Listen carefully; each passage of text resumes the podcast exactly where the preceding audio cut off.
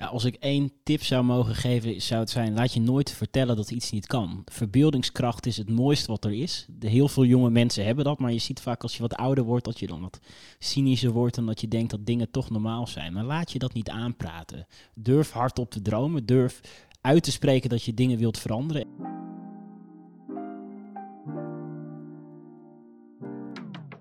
Welkom bij Bankhangen, de Jongerenambassadeurs podcast. Mijn naam is Veerle en ik ben jongerencoach bij Jongerenambassadeurs. Als MDT-project bieden wij jongeren de mogelijkheid om hun stem te laten horen door ze te koppelen aan een organisatie naar keuze. Zo vertegenwoordigen zij de mening van jongeren en maken zij maatschappelijke impact. In deze podcast nodig ik iedere aflevering gasten uit om in de huiskamer van jongerenambassadeurs met mij op de bank te hangen. Iedere aflevering ga ik in gesprek met een jongere en iemand die iets persoonlijks, informatief of inspirerends kan vertellen over het thema. Dus of je nu onderweg bent of niet, bij deze nodig ik je uit om bij ons op de bank neer te ploffen. Hallo allemaal en welkom bij weer een nieuwe aflevering van Bankhangen, de podcast van Jongere Ambassadeurs. En vandaag zit ik weer lekker in een heerlijke stoel en ik heb vandaag drie gasten die bij mij uh, komen bankhangen. En ik ga ze even aan jullie introduceren. Dat is namelijk als eerste Ruben. Ruben, kun je even vertellen wie je bent en uh, ja, met wie je voor het laatst op de bank hebt gehangen? Ik ben Ruben Bals, ik ben uh, 18 jaar oud. Ik ben uh, kandidaat raadslid voor GroenLinks in gemeente Bergen op Zoom. Ik sta op plek 4. En wanneer ik voor het laatste bank gang was mij, denk ik, vrijdagavond bij Flikker Maastricht met mijn gezin. Want ik heb de afgelopen, tijd niet, niet, de afgelopen periode niet heel veel tijd gehad. Dus dat was wel de laatste echte bankhang uh, moment. Ja, heel tof. En jij ligt hier al meteen een tipje van de sluier op. Jij zegt namelijk, ik ben uh, verkiesbaar voor de gemeenteraad. En dat is inderdaad het thema waar we het vandaag over gaan hebben. Dus daar komen we zo meteen nog op terug. Um, wie zit er naast jou op de bank? Uh, ik ben Eline Katret. Uh, ik ben ook 18 jaar en ik sta ook verkiesbaar. dan niet waar hij verkiesbaar staat, maar in Hengelo voor D66. Ik sta op plek 7. En voor het laatst heb ik met mijn vriend op de bank gehangen. hele slechte romantische comedy gekeken. Dus uh, ja, verder ook niet veel tijd gehad om dat te doen. Ja, dat is het wel. Heel goed. Nou, slechte romantische comedies zijn vaak ook wel uh, heel erg goed in combinatie met bankhangen, vind ik. Ja. En dan de laatste gast die hier tegenover mij zit. Wie ben jij? Ik ben uh, Hap de Moeder Hoop, het jongste Kamerlid uh, van de Tweede Kamer, 23 jaar oud namens de Partij van de Arbeid. Um, en ik heb um, gisteren um, op de bank gehangen en heb ik How I Met Your Mother gekeken. Dat is een van mijn lievelingsseries. Meestal als ik wat een dag heb gehad met nou ja, vergaderingen die af en toe ook wel iets minder spannend zijn, dan wil ik de dag wat lachend afsluiten en dan kijk ik graag naar How I Met Your Mother. Ja. Heel goed. En hier meteen ook wat goede tips uh, voor de luisteraar. Mocht je nog een nieuwe serie zoeken, How I Met Your Mother is, uh, is een succes hoor. Hij is wel van Netflix afgehaald. Dus uh, ik, ik, ik, zie het nu op het Disney Channel zonder daar reclame voor te maken. Of Disney Plus is het, ja. Helemaal goed. Ja, ik noemde het net al even. We gaan het vandaag hebben over de gemeenteraadsverkiezingen. En nou hebben jullie daar uh, allemaal ervaring uh, mee. Daar willen we natuurlijk graag meer over horen. Als allereerste ben ik eigenlijk wel benieuwd. Ik ben zelf niet echt politiek actief, nooit geweest. Dus ik vind het altijd heel interessant om te horen van mensen. Hoe is dat nou zo gekomen? Waar komt die interesse in politiek vandaan? En bij mij was het gewoon uh, puur toeval. Want uh, vorig jaar maart was het natuurlijk uh, aan de vraag of de scholen gingen sluiten. Coronavirus was in het begin, toen van de pandemie. En toen keek ik toevallig een keer een debat en denk, dit is wel erg leuk. Dus toen ben ik het gaan volgen en ben ik partijen gaan aanmeden om een gesprek mee aan te hebben. En zo is het gegaan. En het zit denk ik ook wel in mijn DNA, want mijn opa was ook politiek actief in de gemeenteraad. Wat tof. Elina, ken je dat? Het is een vrij lang verhaal, maar ik probeer het kort te houden. Het begon toen ik een dagje vrij wou van school. Toen ben ik meegegaan naar een debat van het debatteam. En toen ben ik zo zonder te vragen in het debatteam gegooid. Ik dacht, oké, okay, het zal wel. Toen ging ik nog een debat doen en um, zo ben ik bij het Nationaal Jeugddebat gekomen, 2019. Uh, toen kwam ik hier bij jongerenambassadeurs en toen ben ik bij D66 Hengelo gekomen. En toen heeft de lijsttrekker mij gevraagd of ik mee wou doen in de verkiezingen. Wat tof. Dus dat is ook meteen wel leuk om te horen dat jongerenambassadeurs misschien wel indirect invloed had daarop. Ja, ah. best wel. Ja, ja. oké, okay, top. Ja, Haptamo, bij jou is het misschien al eventjes geleden. Hoe is het bij jou ontstaan? Nou, dat valt op zich mee. Eh, bij mij was het op een middelbare school. In de vierde klas hadden wij een uh, schooldebat. En elke klas mocht een politieke partij zijn. En nou ja, de standaardpartijen waren al een beetje gekozen. VVD, PVDA, CDA, D66. En er bleef nog een aantal partijen over. En een klasgenoot van mij die zei, wij gaan de PVV zijn met onze klas. Nou ja, hoe ben ik het niet heel erg mee eens inhoudelijk. Maar ja, het was best wel leuk. En ik ging toen ook naar dat schooldebat toe met een witte pruik om Geert Wilders na te doen. En ik vond het fantastisch. Ik vond het echt fantastisch om de meest racistische onzin op een zo geloofwaardige manier over te brengen. En toen is er een soort vuurtje gaan branden. En toen heb ik me ook aangesloten bij de debatclub bij mij op school. Dus eigenlijk een beetje hetzelfde wat Eline net zegt. En toen zijn we mee gaan doen aan Op weg naar het Lagerhuis. Een leuk schooldebat heb ik ook gespeecht. En uiteindelijk ben ik toen gevraagd voor de Partij van de Arbeid om raadslid te worden. En dacht ja, dat moet ik gewoon doen.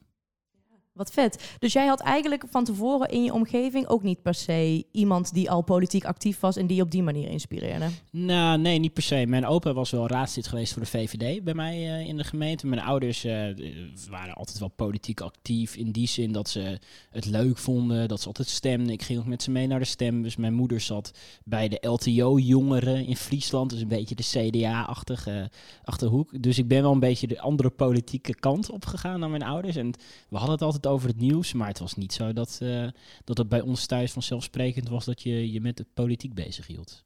Oké, en ik merk bij jullie allemaal op een gegeven moment is er een soort omslag geweest. Kun je dat echt vastpakken in een moment of een bepaald gevoel, een herinnering die je misschien daaraan hebt? Ja, ik had het net al verteld bij het uh, debat toen. was puur toeval, maar het was uh, interessanter dan ik had gedacht. En toen ging de scholen dicht en toen had ik tijd genoeg om uit te zoeken hoe het nou allemaal werkte? Ja, bij mij was het toen ik uh, aan het Nationaal Jeugddebat heb meegedaan en daar als 15-jarig meisje in de Tweede Kamer zat en uh, toen moest spreken. Ja, toen dacht ik wel van hier wil ik echt wat mee gaan doen. Ja. Ik vind dat ook wel heel cool, want ik zou het ook heel intimiderend vinden. Als ja. je daar dan zit in een debat. Hoe heb jij dat ervaren? Nou, ik vond het heel erg spannend. Helemaal trillende beentjes toen ik daar stond. Uh, ja, het werd ook opgenomen en ik had er helemaal geen ervaring mee. En uh, nou, ik had he gelukkig hele goede begeleiders die me daarbij hielpen. Nou, ik dacht, gewoon doen. Het is zo voorbij, dus gewoon van genieten. En dan komt het wel goed. Ja, heel tof. Heb jij nog, ja, je noemde net al even de opdracht met de klas. Ja, wat bij mij echt een moment was waarvan ik dacht, dit, dit is niet normaal. Ik, ik wil me met de politiek bemoeien, was in 2015 met de vluchtelingencrisis vanuit Syrië. Toen was er op een gegeven moment een jongetje, misschien kunnen jullie het beeld nog wel herinneren, aangespoeld in Turkije met zijn hoofd toen uh, ja, op, bij de kust, uh, net buiten het water. En ja, dat beeld van die vluchtelingencrisis, van mensen die op een bootje op zoek waren naar een toekomst uh, in een ander land waar ze misschien wel kansen kregen. Toen dacht ik, jeetje, wat is, wat is de wereld toch oneerlijk en onrechtvaardig. En sindsdien heb ik me ja, toch steeds meer met de politiek bemoeid. En op een gegeven moment dacht ik ook, ja, ik ben, uh, ik ben sociaaldemocraat. Ik vind dat iedereen kansen moet verdienen. Dat we internationale, soli internationale solidariteit, dat we daar verplicht toe zijn. Jegens sommige mensen. En ja, ik kwam dan bij de Partij van de Arbeid uit. Maar dat had ook natuurlijk bij GroenLinks of D66 gekund. Dus progressieve partijen. Maar toen dacht ik wel, jongens, eh, dit kunnen we niet accepteren. En dus dat, toen is wel een knop omgegaan. Ja, dat vind ik ook wel interessant. Want jullie zijn eigenlijk allemaal dus niet per se, ja, behalve jij Eline met je jongere ambassadeurschap, maar niet per se begonnen bij de partij waar je nu mee bezighoudt. Ruben, hoe ben jij uiteindelijk dan bijvoorbeeld bij GroenLinks terechtgekomen? Nou, uiteindelijk was het vooral de manier hoe Klaver een paar keer Rutte aansprak, bijvoorbeeld in coronadebatten, wel een, manier van wat ik dacht, ja, daar wil ik wel bij horen. Want een paar keer dat hij echt opnam van de jongeren, bijvoorbeeld toen bij de avondklok, toen had hij echt benoemd dat jongeren, dat het hier wel allemaal gaat van maatregelen, maar we moeten uitkijken met de jongeren. En dat, dat inspireerde me wel echt. En dat vond ik wel echt uh, fijn om te horen. Toen dacht ik, dit is wel echt mijn partij. Wat goed. Ook wat leuk dat je dit aannoemt, want, of dat je dit aanstipt. Dit is natuurlijk iets wat we allemaal hebben gezien, hè, de landelijke politiek. Maar jullie beginnen nu toch allebei bij de gemeenteraad. Um, is dat denk je een logische eerste stap? Nou, kijk, ik denk als je jong bent en je vindt dat er iets moet veranderen, moet je je gewoon bemoeien met politiek. En het is best wel logisch om dat te doen bij jou in je buurt. Want je weet wat er speelt. Uh, je hebt vrienden bij de lokale voetbalclub. Uh, je kent de dorpskroeg die misschien op een gegeven moment dicht moet. De basisschool die op een gegeven moment moet sluiten omdat je omgeving misschien vergrijst.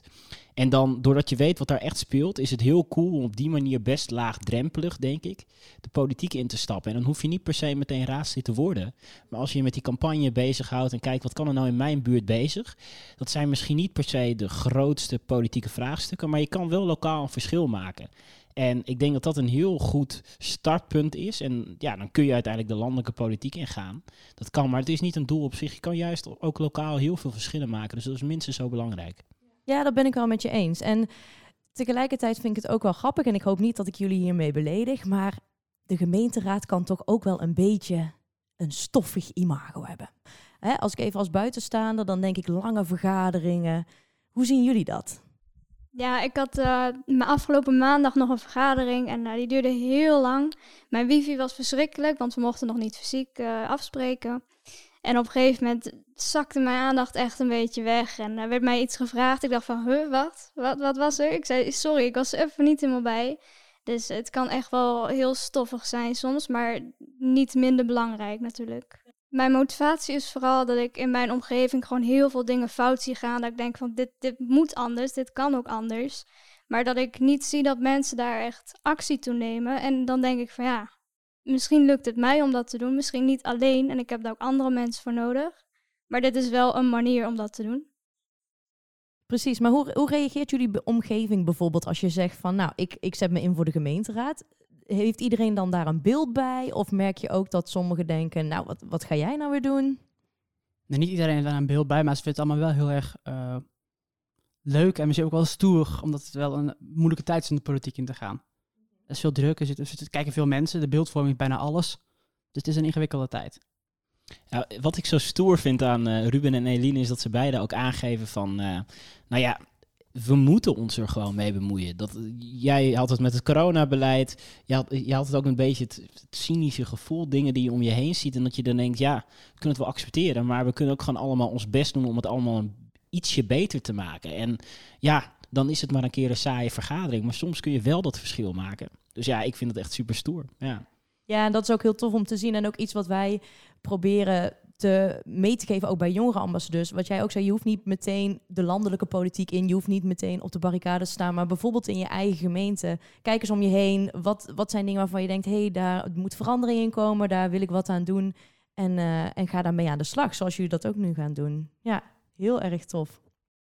Als ik nou zeg, ik wil ook uh, in de gemeenteraad. Ik wil mezelf verkiesbaar stellen.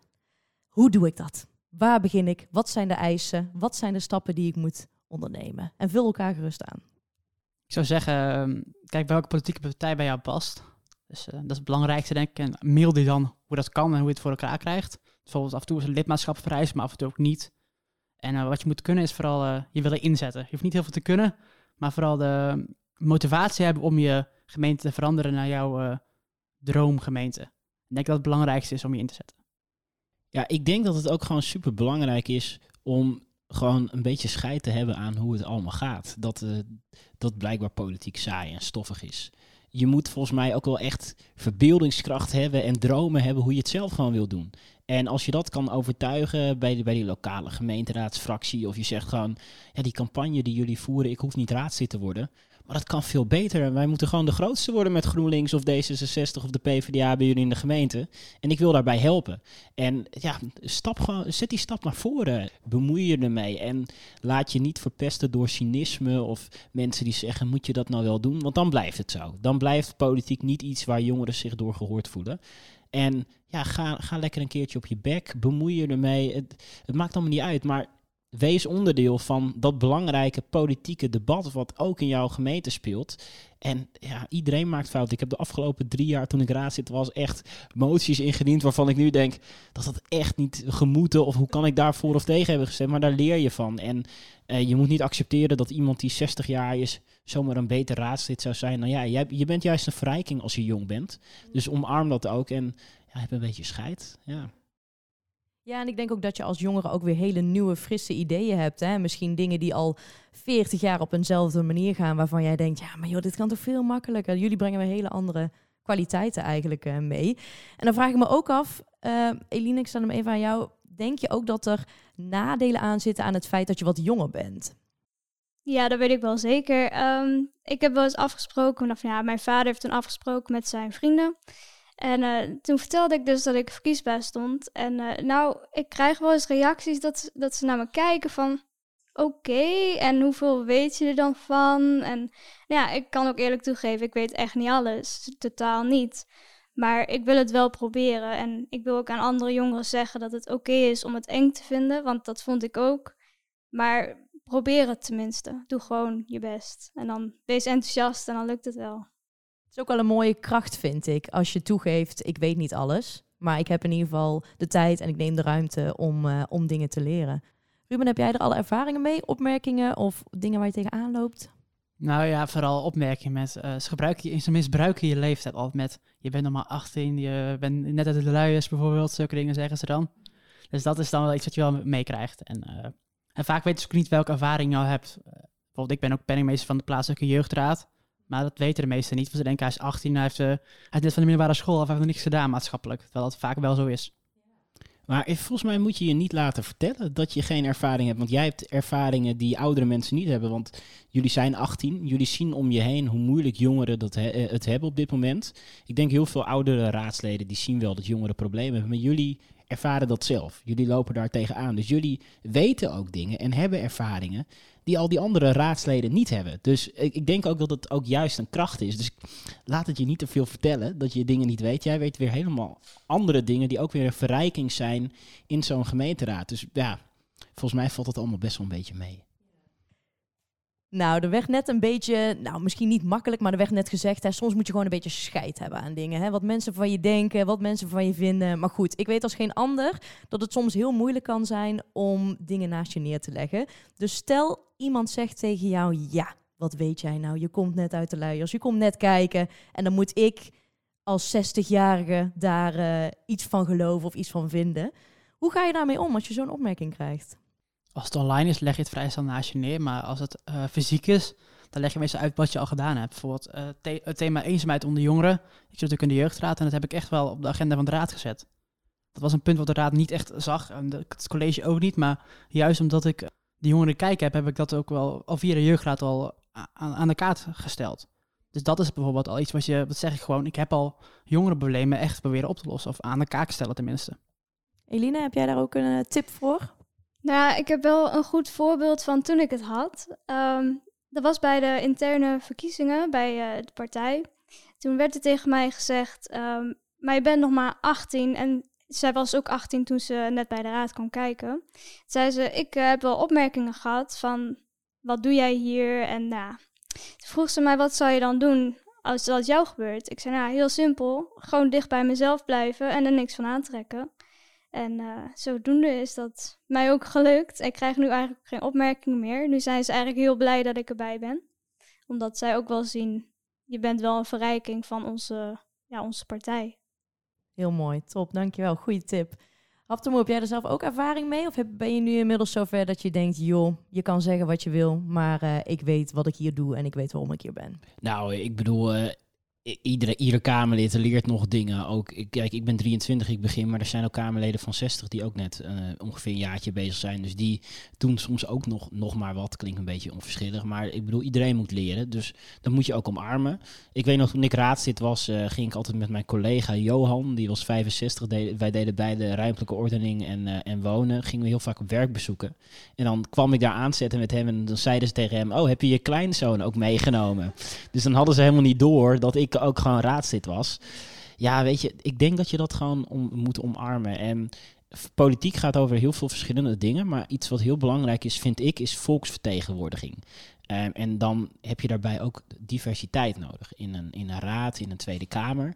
En je wilt gewoon ook heel graag dat jongeren, uh, mensen van kleur, dat die vertegenwoordigd worden. En ja, als mensen dat niet inzien in die gemeenteraad of in je partij, dan snappen ze niet helemaal hoe het werkt. Want volksvertegenwoordiging is cruciaal, zoals Ruben net zei, dat je net even wat agendeert, die eenzaamheid van jongeren. Dat maakt echt een verschil. Dus als mensen dat niet zien, dan ligt het aan hen, dan ligt het niet aan jullie. En dat kan heel vervelend zijn, soms ook intimiderend. En ik zei inderdaad, je moet soms scheid hebben. Dat, en dat lukt ook niet altijd even goed. En wat ik heel erg geleerd heb de afgelopen tijd is mensen ook om je heen verzamelen die je echt willen helpen. Want er zijn ook mensen die misschien jaloers zijn dat je hoger staat op de lijst dan zij. En die, nou, die je dan uh, iets minder gunnen. Maar verzamel mensen om je heen die je willen helpen met ervaring. Maar ook mensen die misschien ook jong in de politiek zijn gekomen. Dus die ook tegen dingen aan zijn gelopen waar jullie ook tegen aanlopen. Dat helpt mij enorm. Door soms ook een beetje te relativeren en te horen van... Oh, Jesse Klaver heeft dat ook gehad toen hij 18 was. En die is gewoon fractievoorzitter geworden. Dat geeft jezelf ook weer even wat lucht. Want dan denk je, oh, valt allemaal ook wel weer mee. En als hij het kan, misschien kan ik dat dan ooit ook wel. Dus nou, dat zou mijn tip zijn. Verzamel ook mensen om je heen die je echt willen helpen en je energie geven. En die je dan niet frustreren met dat soort opmerkingen.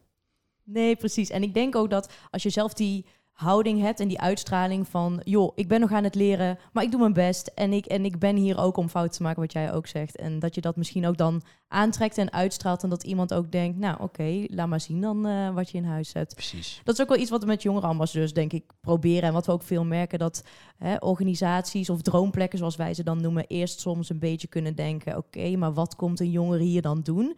En uiteindelijk zien zij vaak, hey, dit dit idee of deze frisse blik, dat is juist precies wat we nodig hebben. Hier volgt een reclameblok voor alle luisteraars die graag impact willen maken. We kennen het allemaal en horen het veel te vaak. Politici, bedrijven, organisaties die meer jongeren willen bereiken en betrekken, maar nooit echt tijd investeren om dit waar te maken. Mooie praatjes, maar weinig actie. Maar met jongerenambassadeurs is dat verleden tijd. Jij gaat als jongerenambassadeur de stem van jongeren vertegenwoordigen bij een droomplek die bij jou past. Nooit meer oude mensen die voor jou bepalen wat jij belangrijk vindt. Want je krijgt zelf een plek aan de tafel. Altijd al advies willen geven, evenementen willen organiseren of een social media campagne willen opzetten? De mogelijkheden zijn eindeloos. Waarvoor wil jij je stem laten horen? Klimaat, mensenrechten, educatie, veiligheid, politiek, kunst, cultuur of wetenschap? Maak jij een regionale impact? Schud jij heel Nederland wakker? Of wil jij internationale allure? Het is ongelooflijk, maar waar. Jij bent slechts één aanmeldformulier verwijderd van de kans om jongeren een stem te geven. Dus waar wacht je nog op? App of bel nu naar 06 1853 0825. En als je nu contact opneemt, krijg je gratis karmapunten erbij. Wie wil dat nou niet? Jongere ambassadeurs is niet aansprakelijk wanneer de desbetreffende jongere ambassadeur na een traject maatschappelijke impact wil blijven maken. Die stem blijvend laat horen en ervaringen wil delen met andere jongeren, om zo de wereld jongerenproef te maken. Nou, we hebben het een beetje gehad over de gemeenteraadsverkiezingen, uh, de motivatie die jullie hebben, waar het vandaan komt. Maar als we het nou even hebben over een soort droombeeld. Hoe ziet dan jullie ideale gemeente eruit? Of wat is echt een thema waarvan je denkt, dit zou ik willen aanpakken en dat wil ik op deze manier gaan doen? Nou, dat is best een ingewikkelde. Maar ik zou het heel mooi vinden als onze binnenstad groener is. Dat groener gekleurd zal zijn. Iets meer planten zijn, iets meer bomen, dat ook uh, iets meer toekomstgericht is. Ik denk zo dat heel veel groen gewoon belangrijk is in de gemeente. En ik denk dat iedereen er ook wel vrolijker van wordt. Of vrolijker, je voelt je eigenlijk er beter van. Ja, ik vind het een uh, moeilijke vraag. Maar zoals hij Ruben ook al zei, graag wat groener. Het marktplein wordt bij ons nu uh, op de schop gegooid. En daar zouden ook meer bomen komen.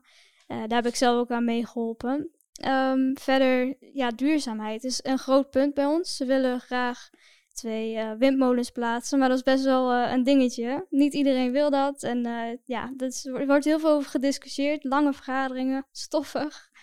Dus ja, maar ik hoop wel dat ze er komen. Tof. Heb jij nog dromen, Hattemo? Ja, ik heb heel veel dromen. Nee, mijn, mijn grootste droom is dat jongeren van onze leeftijd zich wat minder zorgen hoeven te maken. We hebben het, jullie noemen ook heel terecht, die groene stad, duurzaamheid, die hele klimaatcrisis. Ja, dat is ons probleem. Dat is niet het probleem van de mensen die nu 60 jaar een raadslid zijn. Klinkt heel onaardig, maar die zijn er niet meer als we de ellende ervaren die we nu met z'n allen veroorzaken. Dus dat is een hele belangrijke, maar ook kansen kansengelijkheid. Dat iedereen kan worden wat hij wil. En of je nou de beste timmerman van Den Haag wordt of de beste advocaat. Het maakt mij allemaal niet meer uit. Maar als je die kans maar krijgt om dat te worden en de tijd en de ruimte. En nu zie je gewoon dat heel veel jonge mensen het ontzettend moeilijk hebben als ze beginnen met werken, een valse start maken omdat ze niet een vast contract kunnen krijgen, omdat ze niet eens uit hun huis kunnen voor ze 35 zijn. Dat vind ik zo idioot. Want vroeger was het zo dat als je je kind opvoedde, dan wist je, mijn kind krijgt meer kansen dan ik. En nu is het eigenlijk zo dat onze ouders hadden meer kansen dan wat wij nu hebben. Dat vind ik echt heel erg. Dus ik hoop dat als wij ooit met z'n allen kinderen hebben, dat we dan met z'n allen ervoor gezorgd hebben dat het weer omgedraaid is. En dat onze kinderen die zorgen van het klimaat niet hebben en gewoon hun dromen, dat ze daar werkelijkheid van kunnen maken. Dat zou ik wel heel mooi vinden. Ja, je maakt hier al een mooi bruggetje naar inderdaad. Wat zijn thema's die onder jongeren leven? Ik denk ook dat je daar twee hele goede aanstipt. Ruben, jij had het net al even over eenzaamheid onder jongeren. Wat zijn thema's die jullie bijvoorbeeld in je eigen omgeving zien of waarvan je denkt, nou, dit zijn echt thema's binnen de politiek die voor jongeren heel erg relevant zijn of heel belangrijk op dit moment? Nou, dat het plaatselijk dat uh, eenzaamheid, wat ik ook wel vaak hoor is uh, veel mbo-studenten moeite hebben met stage zoeken. En ook veel stage discriminatie. Dat is niet iets wat ik direct zelf merk, maar ik hoor het heel veel en dat, maakt me, dat vind ik ook wel echt een ernstig iets. Dat je dan gewoon je opleiding niet kan vervolgen omdat je een verkeerde achternaam hebt, bijvoorbeeld er gewoon geen stageplek is. Ik vind dat wel echt iets kwalijks. Ja, wat ik vooral merk is, um, ik heb een vriendin die studeert aan de Universiteit Utrecht. En die heeft tijdelijk een kamer gehad. Maar ja, ze wordt februari komt waarschijnlijk weer, ja, als het ware op straat uh, te staan. Want ze kan gewoon geen kamer vinden. Er is gewoon niks waar ze terecht kan. En uh, ik vind dat echt heel erg. Ik heb al duidelijk tegen haar gezegd, ook al mag het eigenlijk niet. Als je echt niks hebt, dan kom je maar bij mij in Hilversum. Want ik vind dat echt een, een heel groot probleem. Ja, je hoort het steeds meer. En vroeger was het misschien al, hè, je moest al heel vaak hospiteren, maar nu is het gewoon bijna niet meer, niet meer te doen gewoon. Oké, dan zijn we aangekomen bij eigenlijk het vaste gedeelte van onze podcast. En dat is helemaal in het thema van bankhangen. Dat zijn we immers aan het doen met z'n allen. De eerste vraag is, met wie zou je graag willen bankhangen? Dus wie is jouw inspiratiebron? Ruben, kun jij me daar iets over vertellen? Nou, ik heb eigenlijk uh, Twee, een daarvan is het Tweede Kamerlid van GroenLinks, Lisa Westerveld, omdat zij echt wel volksvertegenwoordiger is en de problemen in de jeugdzorg echt aanpakt. En dat bevond het mij. En dat zou ik ook heel graag willen doen. De problemen in de jeugdzorg benoemen, wat in de gemeente en ook uh, achteraan gaan. En uh, de tweede is Femke Halsema, omdat ze dicht bij haar idealen staat. Ze is echt idealen vast en idealen zijn belangrijk voor haar en dat hoop ik ook te zijn. Ik wil ook niet mijn idealen zomaar weggooien voor iets. Heel mooi gezegd, Ruben. Ik denk ook dat dat tweede iets is wat niet alleen in de politiek, maar sowieso in het leven heel belangrijk is. Dat je inderdaad dicht blijft uh, bij jezelf en, uh, en bij je eigen idealen. Jij noemde net twee mensen. Als je met een van hun in gesprek zou mogen gaan, wie zou dat dan zijn en wat zou je als eerste vragen? Ik denk met Lisa Westerveld en ik zou eerst willen vragen waarom ze zo'n goede volksvertegenwoordiger is. Waarom en wat haar raakt om dat zo te doen. Ze is heel veel contact met burgers en dat is wel echt heel belangrijk. En ze krijgt ook emotionele verhalen binnen. Zeker om jeugdzorg en dat... Uh, hoe ze dat oppakt, uh, inspireert mij. Daar zou ik wel een keer gesprek met haar over willen hebben. Je zou wel een paar tips willen ontvangen. Ja, hoe je dat het beste doet. En ook echt, jong, zij helpt jongeren echt heel goed. Ja. Dus uh, dat hoop ik ook te doen. Tof, dankjewel. Nou, ik denk dat je dat al doet door je in te zetten voor andere jongeren. Dus uh, dat, yes. dat moet helemaal goed komen. Laten we dat hopen. Ik heb morgen een onderwijsdebat met Lisa. Dus ik zal dit uh, tegen haar vertellen. Ik denk dat ze het echt heel leuk vindt. Nou, dankjewel. Heel goed. Nou, Haftamoen, je toch aan het woord bent. Met wie zou jij willen bankhangen? Ik zou het heel cool vinden om te bankhangen met Alexandria Arcasia Cortez. Uh, AOC, uh, kennen haar, de meeste haar denk ik wel. Uh, zij is in het parlement in de VS gekomen doordat ze een campagne heeft gevoerd in de Bronx in New York. Waar eigenlijk mensen zoals zij, zij zegt het altijd heel mooi, people like me shouldn't be in politics. Iedereen denkt dat zij daar niet thuis horen, maar zij dacht, weet je, ehm, er moeten mensen in de politiek die snappen wat hier speelt in deze wijk. En eh, zij heeft gewoon gedacht, ik ga gewoon een grassroots beweging starten. Dus met die mensen uit haar buurt is zij gewoon een campagne gestart tegen iemand die al 15 jaar echte vertegenwoordiger was van New York. En zij heeft het gewoon geflikt. Terwijl ze totaal geen politieke ervaring had. Maar zij begrijpt heel goed, en dat zouden volgens mij meer politici moeten doen, dat je niet binnen die Haagse kaaststolp moet zitten, maar juist daarbuiten met mensen spreken, waar loop je tegenaan en hoe kunnen we dat veranderen?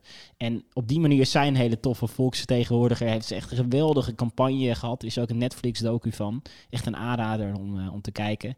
Ja, dat, dat is echt een inspiratie voor mij, hoe je volgens mij politiek moet bedrijven ik krijg er zelf gewoon een beetje kriebels van. Want ik, ik zie dit inderdaad helemaal voor me. En ik vind het zo mooi hoe je dat zegt. Inderdaad, er zijn zoveel ideeën over hoe iemand eruit zou moeten zien. of hoe iemand zou moeten doen die in de politiek zit. Maar het gaat over ons allemaal. Dus we moeten daar ook allemaal mee bezig uh, zijn. Tof. Ik ga die Netflix-documentaire zeker kijken. Eline. Ja, eigenlijk uh, zonder twijfel Rob Jetten. Hij heeft uh, mij geïnspireerd om de politiek in te gaan. Um, ik vond het altijd heel lastig om me daarmee bezig te houden, omdat het voor mij uh, eruit zag alsof het heel ver weg was. Het was gewoon niet aan te raken. En toen kwam ik hem tegen op Instagram en ik zag hem in debatten en ik dacht, ja, hij maakt het laagdrempelig voor mij. Um, ik vind hem een heel sympathieke man en ik zou het echt heel vet vinden om met hem te praten over hoe hij dat allemaal aanpakt, al die haat over dat hij homoseksueel is. En uh, ik zal inderdaad ook wat tips van hem willen krijgen. En uh, ja, ik vind hem eigenlijk gewoon een hele leuke man.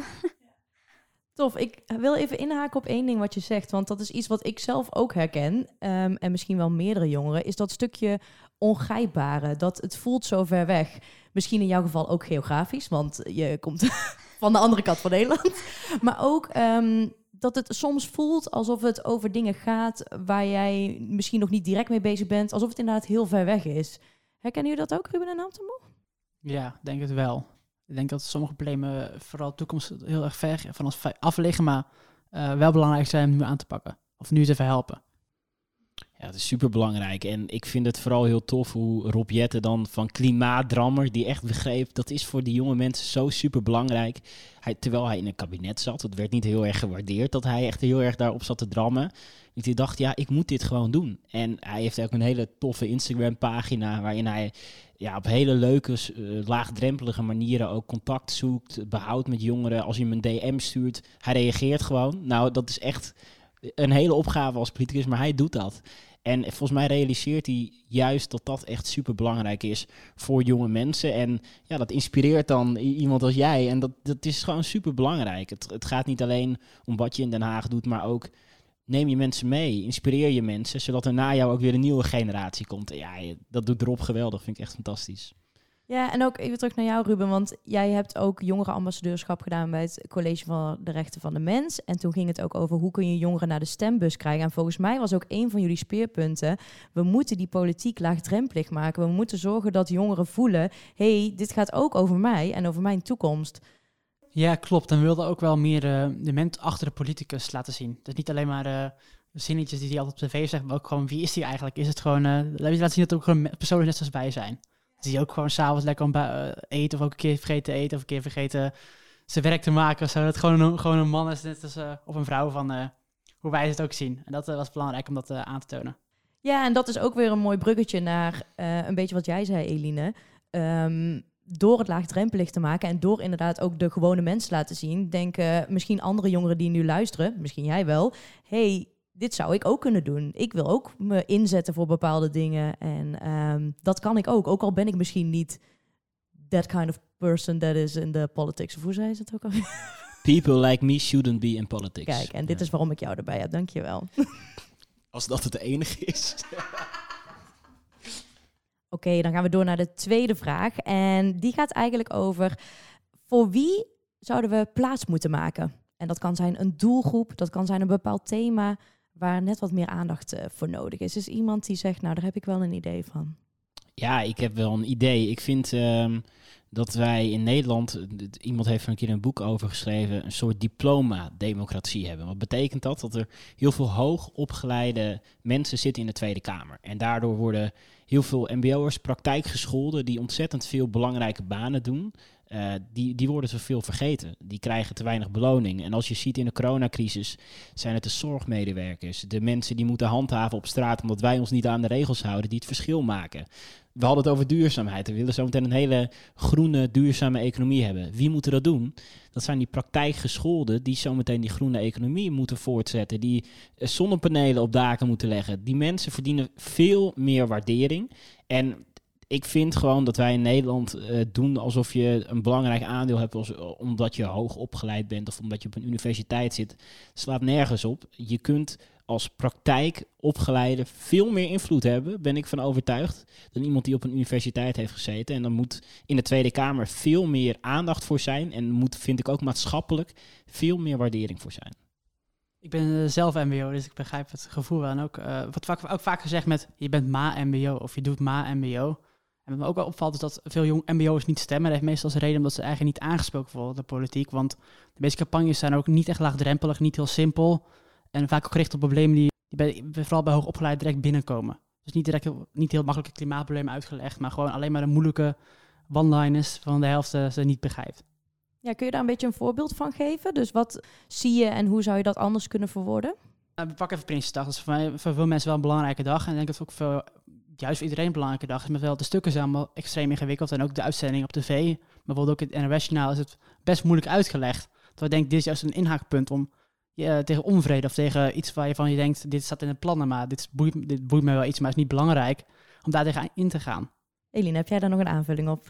Ja, ik vind ehm, ook dat voor de MBO's veel meer aandacht moet komen. Eh, ik merk het zelf omdat ik universiteit doe, uh, dat ik dat dan vaak moet zeggen van ik zit aan de universiteit en dan krijg ik reacties van wow, echt doe je dat? Terwijl ik opleidingsniveau over het algemeen vrij weinig vind zeggen. Het wil niet zeggen dat je meer kan, dat je uh, ja, beter geschoold bent. Ja, ik vind dat iedereen gewoon de ruimte moet krijgen om zichzelf te zijn, welke opleidingsniveau dat dan ook is.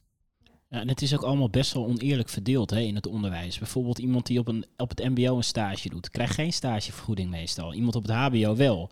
Uh, we willen heel graag allemaal volgens mij dat de pechgeneratie zo meteen gecompenseerd wordt. Maar als je kijkt naar hoeveel geld er naar hoog opgeleide gaat, veel meer dan mensen die op het VMBO of het MBO hebben gezeten. Dus het is allemaal ook heel erg scheef eigenlijk.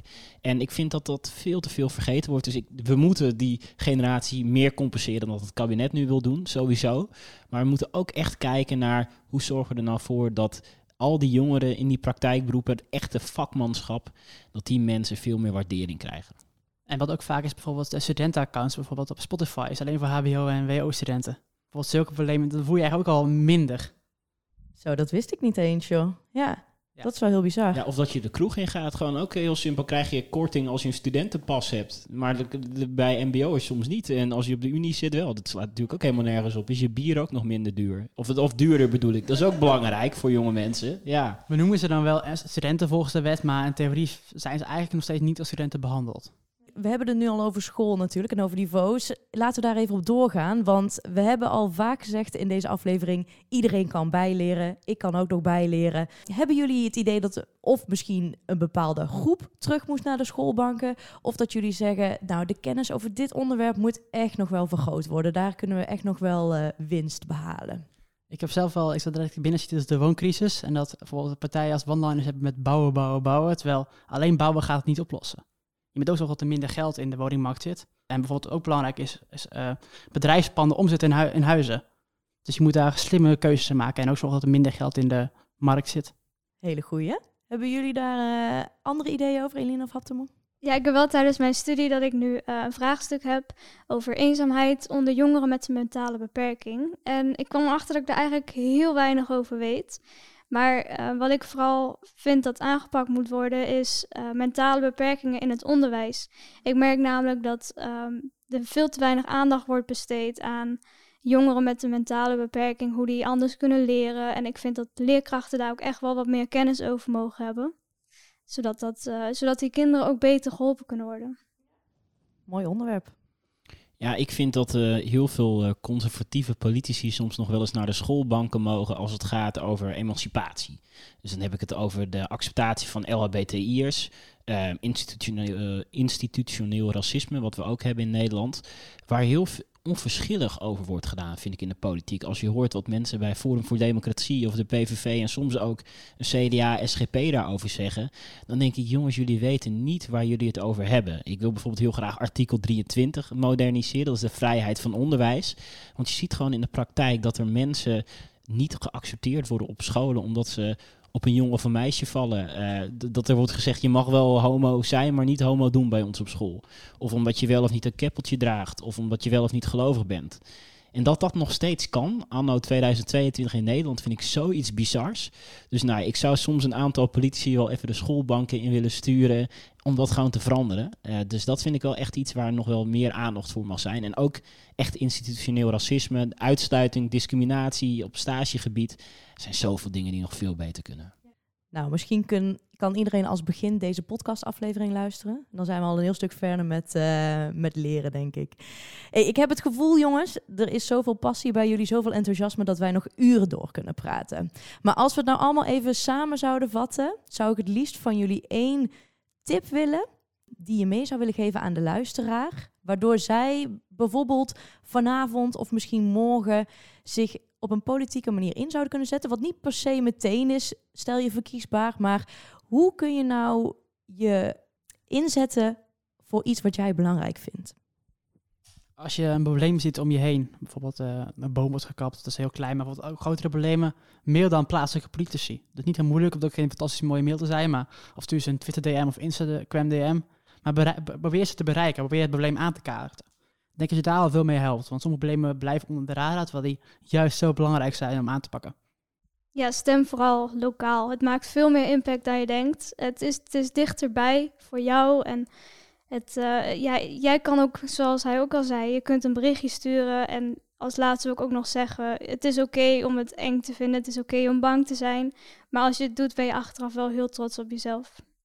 Ja, als ik één tip zou mogen geven, zou het zijn: laat je nooit vertellen dat iets niet kan. Verbeeldingskracht is het mooiste wat er is. De, heel veel jonge mensen hebben dat, maar je ziet vaak als je wat ouder wordt, dat je dan wat cynischer wordt en dat je denkt dat dingen toch normaal zijn. Maar laat je dat niet aanpraten. Durf hardop te dromen, durf uit te spreken dat je dingen wilt veranderen. En dat gaat niet allemaal zomaar gebeuren, maar doordat je het echt durft uit te spreken, doe je al iets. Dus nou ja, mijn tips zijn: laat je niet vertellen dat er iets niet kan en uh, ga er gewoon voor.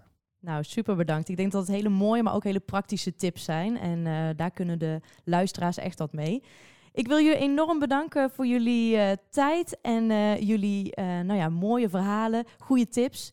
We hebben ook wat gelachen tussendoor. Dat vind ik ook altijd wel belangrijk. Ook aan uh, jou als luisteraar zou ik mee willen geven. Ga even kijken of je uh, nou ja, een partij kunt vinden die ook voor dezelfde dingen staat als waar jij voor staat. Stem. Het lijkt misschien, zoals Eline al zei, het lijkt misschien klein omdat het misschien gemeenteraadsverkiezingen zijn. Maar het gaat wel om jouw eigen omgeving. En uh, nou ja, kijk eens om je heen.